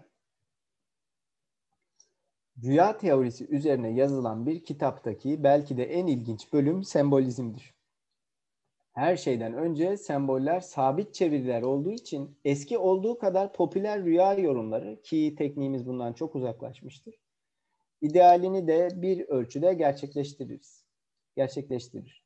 Semboller bazı durumlarda sembol konusunda söyleyecek bir şey olmayan rüya sahibini sorgulamaksızın bir rüyayı yorumlamamızı mümkün kılar. Genel rüya sembollerine ek olarak rüya sahibinin kişiliğini, yaşadığı koşulları ve rüyadan önceki izlenimlerini bilmemiz halinde rüyayı dolaysız yorumlayabilecek, değiş yerinde ise anında tercüme edecek bir konumda oluruz. Bu türden bir yetenek rüya yorumcusunun gönlünü okşarken rüya sahibini de etkiler. Bu, rüya sahibini sorgulamak gibi zahmetli bir işle hoş bir tezatlık oluşturur. Ama bunda fazla ileri gitmemek gerek. Sembolizm bilgisine dayalı yorumlar çağrışım tekniğinin yerini alacak veya onunla rekabet edebilecek bir teknik değildir. Bu sadece çağrışımı destekleyen ve sadece birleştirildiği zaman yararlı sonuçlar veren bir şeydir. Rüya sahibinin ruhsal durumunu bilmeye gelince analiz etmeniz gereken tek rüyaların çok iyi tanıdığınız insanların rüyaları olmadığını, kural olarak rüyayı başlatan etkenler olan önceki günün olaylarını bilmediğinizi ama analiz ettiğiniz kişinin çağrışımlarının ruhsal durum dediğiniz şey konusunda size bilgi verebileceğini aklınızdan çıkarmayın demiş Freud.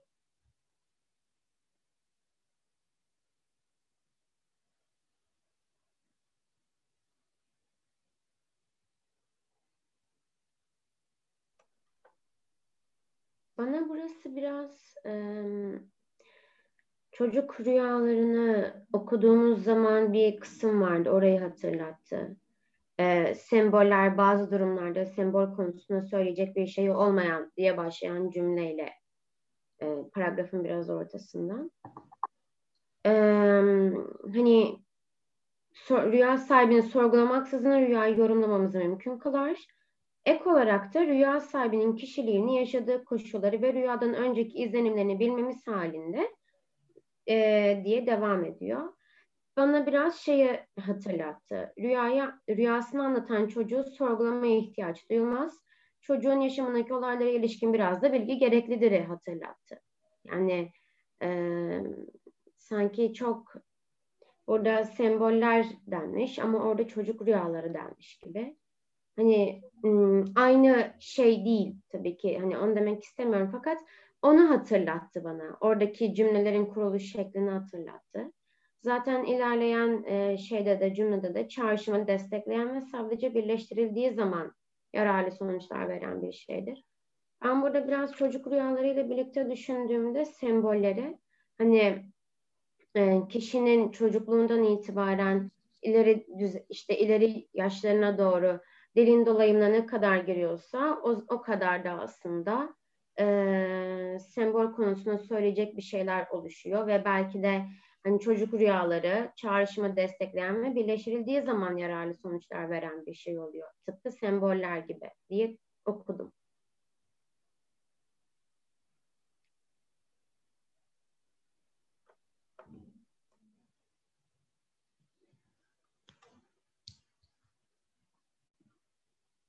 Teşekkürler Yaren.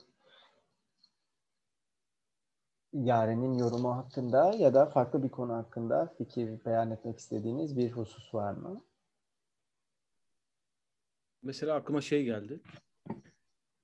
Gelin şeklinde olduğum bir rüya görmek mesela.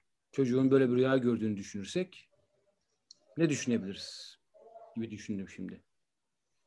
Biz bunu yetişkinin, yetişkin birinin gözüyle baktığımızda o rüyanın nereye sembolize olduğunu anlarız gibi düşündüm. Ama çocuk için çünkü çocukların rüyaları daha doğrudandı.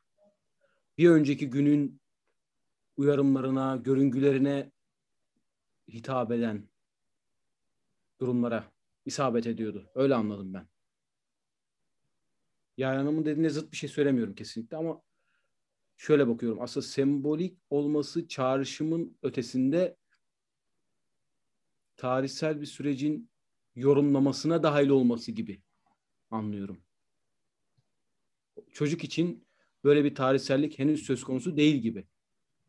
Bir önceki günün edimlerine dair şeyler edindikten sonra ancak olabiliyor gibi anladım.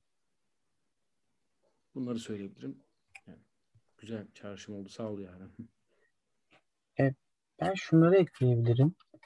E, çocukların rüyalarıyla benzediğini düşünmüyorum ama e, buradaki bence e, farklı olan şey Freud'un ne kadar bir tabir kitabıyla sürekli karşılaştırmalı ilerlese de sürekli ona bir mesafe koyduğu şeyi görüyoruz. Yani bir tabir kitabını okuyan kişinin geçmişini, kişilik özelliklerini bilmesine ihtiyaç duymaz. Ama burada gene bir mesafe, gene bir fark koyduğunu ben e, bunun altını çizmek istedim. Yani çünkü çocuk rüyalarında doğrudanlık e, merkezdeydi sanki. Çok hatırlayamıyorum şimdi tamamını ama buradaki biz e, dilsizlik, sessizlik e, meselesi sanki daha ön planda. Orada doğrudan söyleyen ya da hani abartarak söylüyorum. E, kendi konuşan bir şey vardı. Burada tam burada da kendi konuşmayan ama analistin e, depo diyeceğim gene e, ama oradan konuşan biri bir şey var.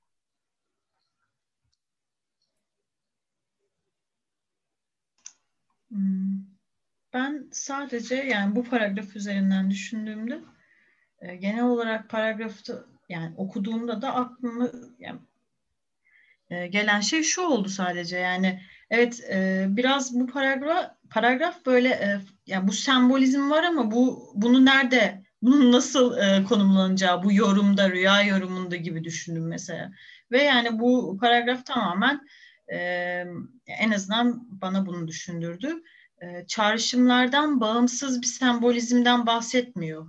Yani çağrışımlardan bağımsız olarak o rüyayı sembolizmle birlikte yorumlamanın zaten yeterli bir teknik olmayacağını yani onunla rekabet edemeyeceğini söylüyor sembolizmin.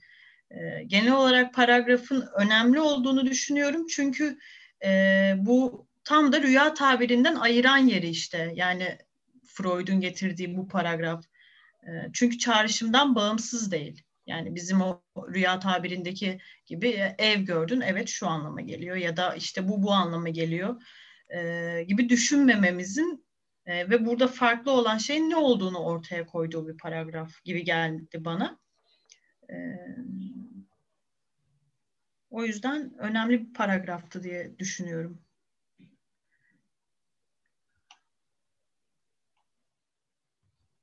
Yani çağrışım zinciri bağlamından düşünmeliyiz gibi anladım. Elif Hanım. Öyle anladım.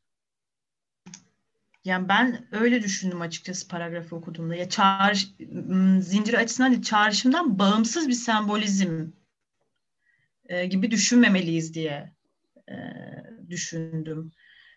Yani çünkü çok daha yeni belki böyle kısaca bahsetmek gerekirse ben e, gördüğüm danışanlardan birinin bir rüya getirdi ve kendi kendine rüyayı anlattıktan sonra yorumladı. Hmm, benim için o sırada aklımdan geçenler onlar değildi. Yani onun yorumu gibi düşünmemiştim orada mesela. Ee, ve o kendisi zaten direkt yorumladı. Aradan 5-6 seans geçiyor ve tekrar bana rüyasını hatırlatıyor ve e, bambaşka bir yorumda bulunuyor.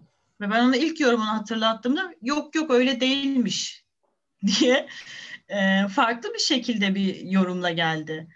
E, bu yüzden burada sembolizmle olaya bakacak olursak gerçekten orada e, klinikte belki bu danışan dropout olabilir. İşte veya biz ıskalayabiliriz yani bunu e, biz çok farklı bir yorum yapabiliriz ama bunu çağrışımdan bağımsız düşünmemenin bu yüzden kıymetli olduğunu düşünüyorum aslında. Yani onun çağrışımdan ayrı bir şey değil bu sembolizm.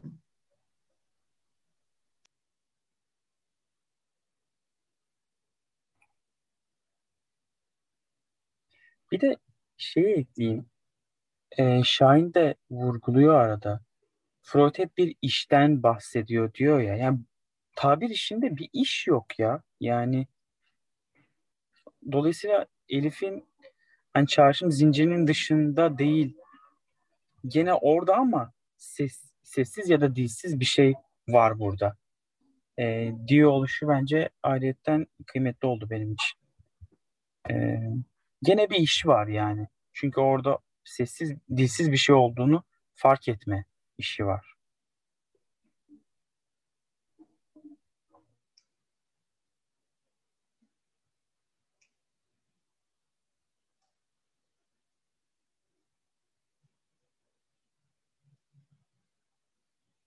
Katkılarınız için Yaren Hanım, İlker abi, Elif, Batuhan hepinize çok teşekkürler. Eklemek istediğiniz bir şey var mı? Yoksa bir sonraki paragrafa geçebilir miyim?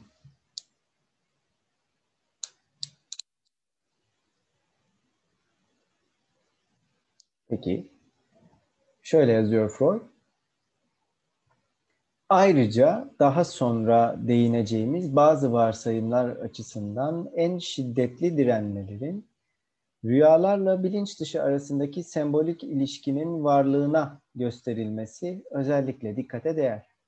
Psikanalizi benimseyen sağduyulu, ünlü kişiler bile bu noktada desteklerini çekmiştir. Her şeyden önce sembolizmin sadece rüyalara özgü olmaması ve ikincisi şaşırtıcı birçok keşif yapmış olmasına rağmen rüya sembolizmin psikanalizin bir keşfi olmaması açısından bu tavır çok daha ilginç bir hal alır. Başlangıcını çağdaş döneme çekmemiz gerekirse rüya sembolizmini keşfeden kişi olarak felsefeci K. A. Scherner'i göstermek gerek. Psikanaliz, Scherner'in bulgularını doğrulamış ancak bu bulgularda maddi değişiklikler yapmıştır. Bu noktada rüya sembolizminin doğası konusunda bir şeyler söylememi ve örnek vermemi isteyeceksiniz. Bildiklerimi memnuniyetle anlatacağım ama bu konuda kavrayışımızın arzuladığımız kadar derin olmadığını da itiraf etmem gerek, diyor Freud.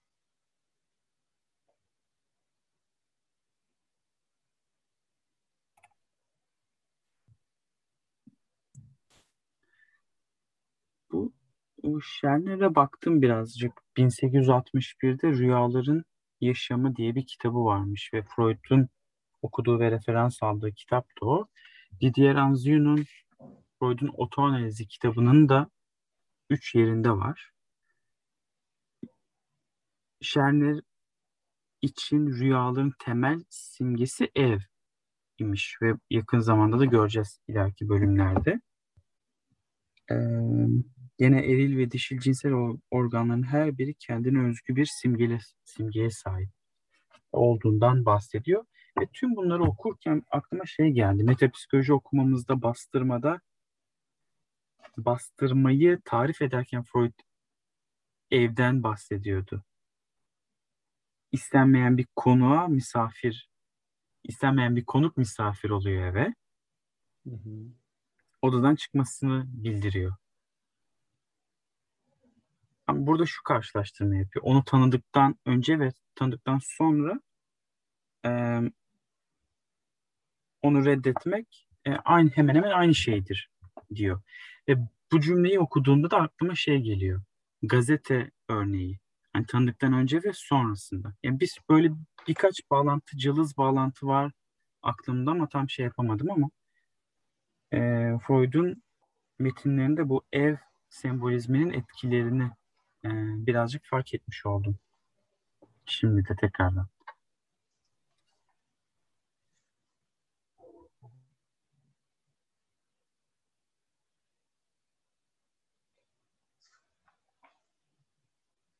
Teşekkürler Batuhan. Batuhan'ın yorumu hakkında söylemek istediğiniz bir şey var mı acaba?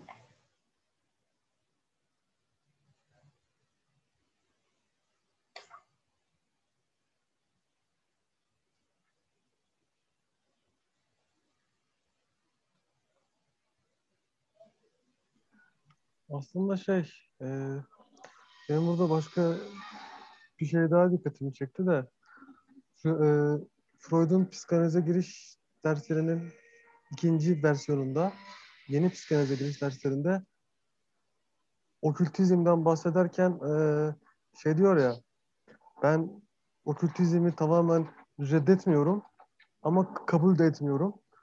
Sanki burada sembolizmden bahsederken de aynı manevrayı yapıyormuş gibi geldi bana. Yani aynı söylemde Freud.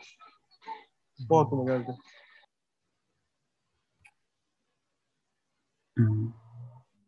Ben şunu ekleyebilirim kısaca. Tabii yani bu sembolizm ve e, Scherner'i okumuş olmam değil de önemli olan e, Freud'un son cümlesi. Yani burada maddi değişiklikler yapmış olması Ama sonuçta değişiklik yapmak için seçtiği alanda burası. Hı hı.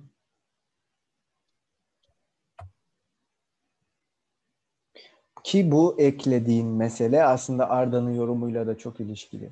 Çünkü Freud'un Arda'nın işaret ettiği konferansta okültizme, gizemciliğe yönelik yorumu onun hipnoza yönelik yorumuna çok benziyor.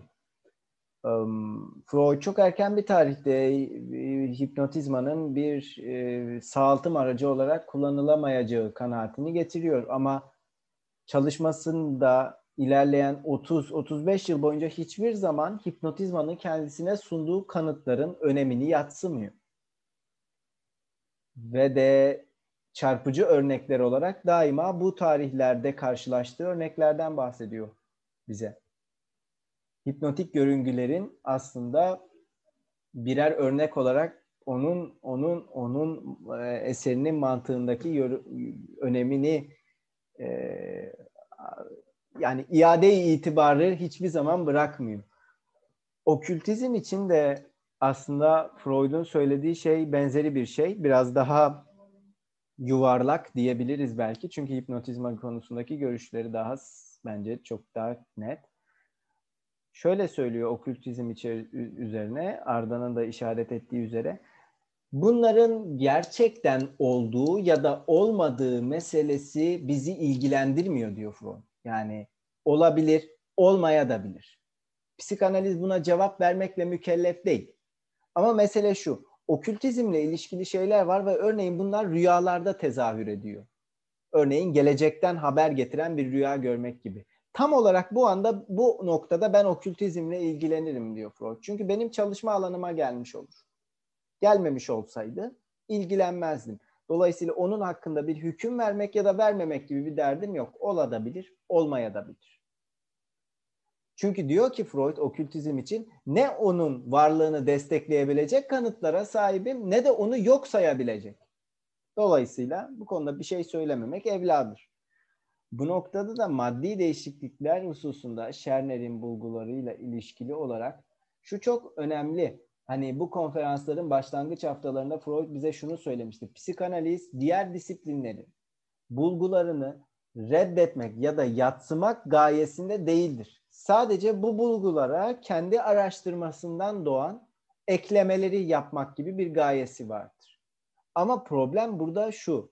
Psikanaliz bu eklemeleri yaptığında muhatabı olan disiplin bunu kendi e, meşruiyetine bir saldırı olarak algılarsa bu işin e, boyutu sanki biraz değişiyor.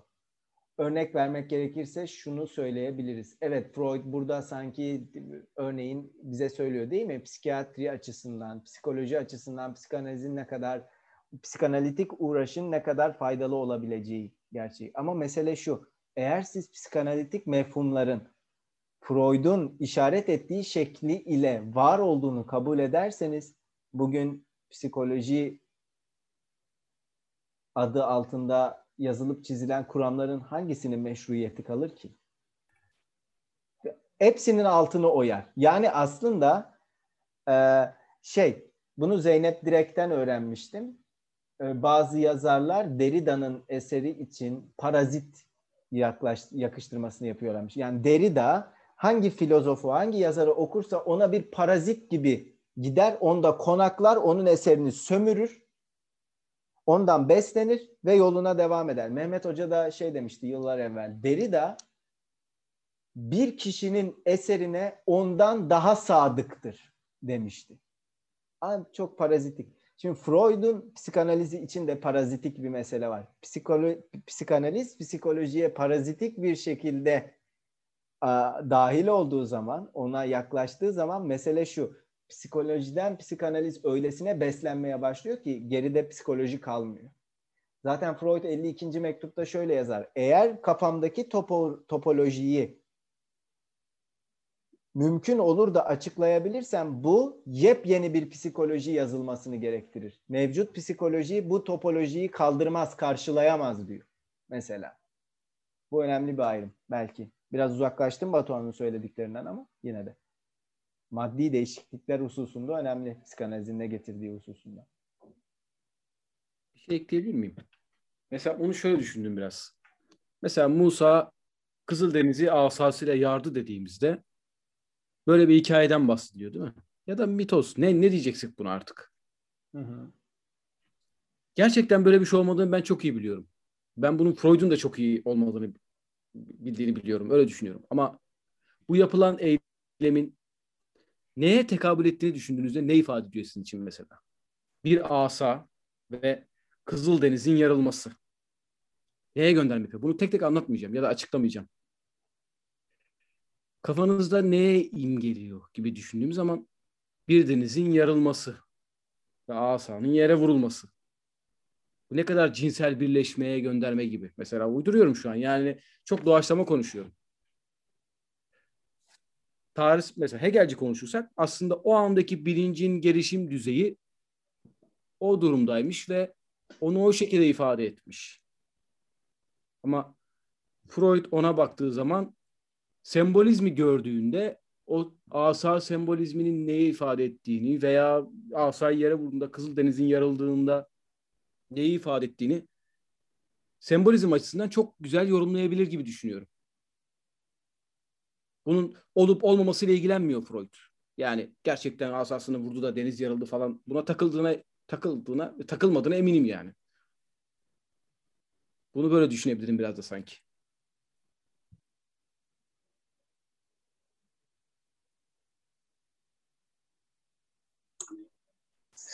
Ya İlker'e katılıyorum. Çünkü e, Zizek'in Hiçten Az kitabının başında da yine bu çubuk hani değnek mi diyorlar, asa mı diyorlar neyse. Buyla e, penis ilişkisi kuruluyor. Yine vajina kelimesi de zaten e, şey demek. Kılıç kanı demek. Yine deniz meni sembolizasyonu ya da asa hepsi aynı yere gidiyor. Ama bir türlü anlamıyorum. Yani bütün rüyaların kökeni yine yani bu sembolizm üzerinden gidersek her şey mi cinselliğe gelir? Yani rüyanın cinsellik dışı bir alanı yok mu? İktidar dışı bir alanı yok mu? Öyle sorayım daha doğrusu.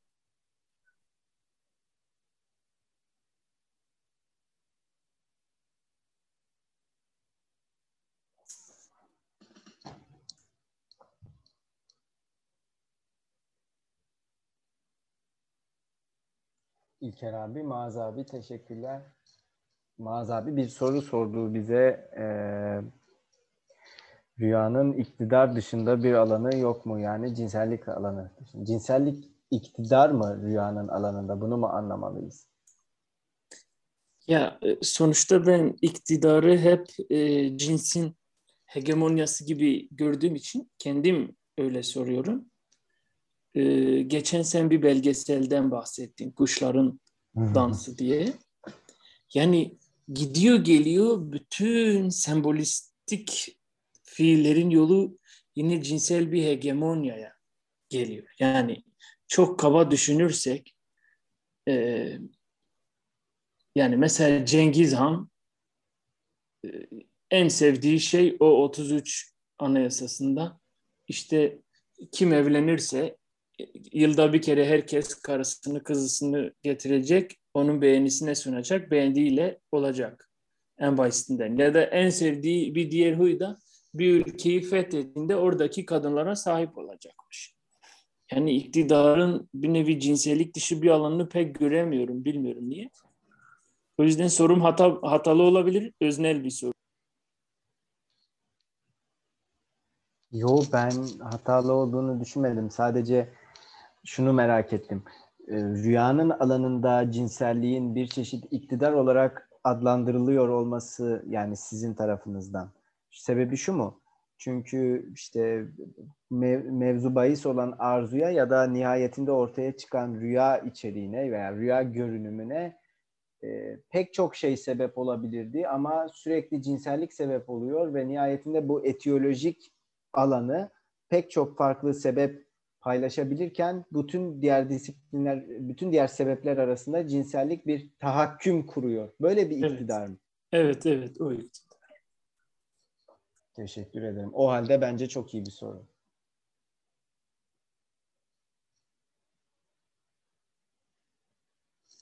Bu soru ile bir araya çıkmayı teklif etmek istiyorum. Ne düşünürsünüz bu konuda? Olur. Soruyla birlikte Tabii soruyu yanınıza alıp araya çıkacaksınız. İşte çay kahve ya da çiş yaparken soruyu götüreceksiniz. Tamam. Çay kahve ya da çişi yapıp soruyu da geri getireceksiniz. Ben o sıra çok küçük bir şey ekleyebilir miyim? Selamlar bu arada. Evet, o sıra derken çay kahve ya da çiş sırasında mı şu an? Şu an olabilir çok. tamam. tamam. Ee, rüyaların hepsi cinsellikle ilgili olmayabilir. Belki, bilmiyorum.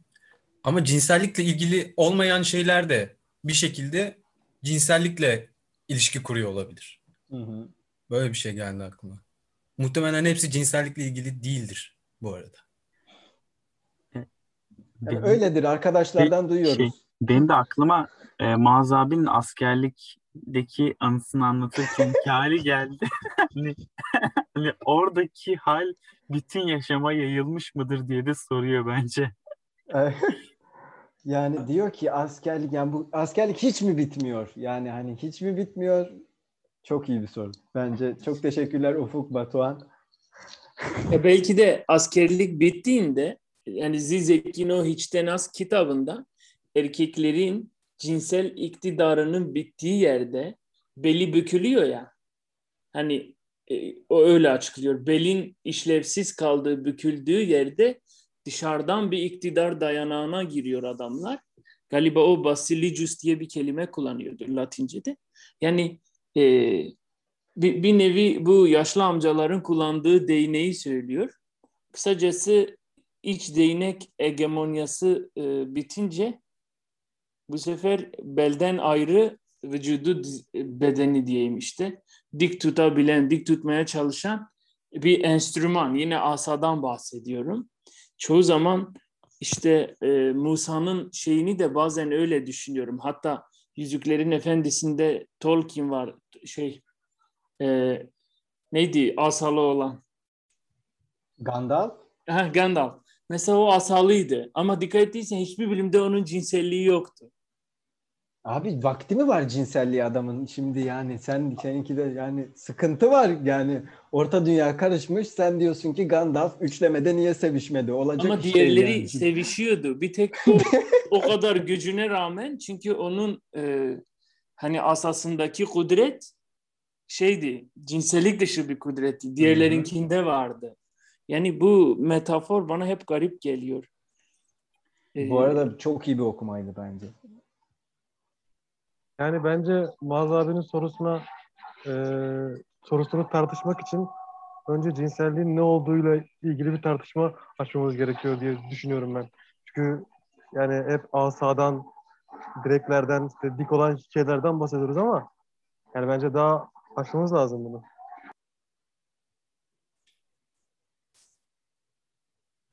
Ya açıkçası benim kastettiğim cinsellik şu.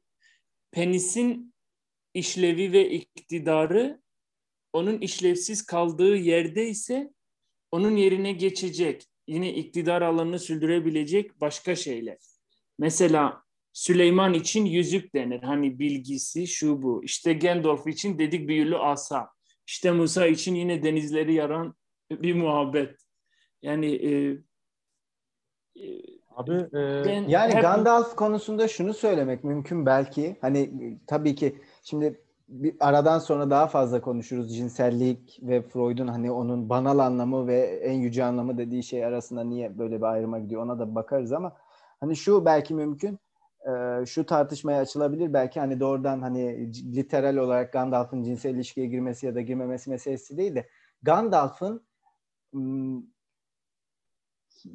bir şeyin sürekli ucunu göstermesi ama arzusunun arzusunu bizden sürekli gizlemesi yani örneğin sürekli bir plan yapması bizim plana dahil olmamız ama plan hakkında neredeyse hiçbir şey bilmememiz. Sadece ondan komut almamız veya onun yapılması gerekeni yapıl, yapılacağı anda yapması, onun da o an geldiğinde yapacağını bilmemiz ama sürekli olarak bir e, soru işareti, Gandalf'ın bize sürekli bir soru işareti bırakması, onun açtığı yolda devam etmemiz Ama diğer bir yandan da hani e, yolculuğun ne anlama geldiğini de bildiğini söyleyebilir miyiz örneğin? Hani e, yolculuğu gerçekleştirenin. E, Gandalf hep bir e, soru işaretinin peşinde sürüklüyor sanki. Evet Batuhan güven yazmış. Örneğin güven bilhassa mesela ilk film için ne kadar önemli bir mesele güven değil mi? Hani e, yolculuğu mümkün kılan şey bir e, aslında belki bir ihanet oluyor. Yani güveni yolculuğu gerçekleştirenler arasındaki güveni bir ihanet kuruyor aslında. Ya bir de şöyle bir denge yok mu? Hani cinsellik dediğimizde cinsel faaliyet bir tutkuya içkin, e, bir ihtirasa içkin genelde. Ama onu dengeleyebilen şey olarak akıl.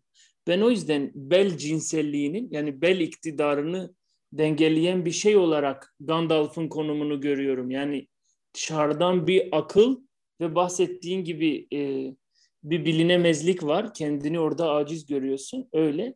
Bunu Aristo'da da görmüştüm biraz. Yani Aristo'nun tutku ve e, tutku ve akıl ilişkisine göre e, bir bitki çok tutkuludur çünkü dümdüz güneşe bakıyor.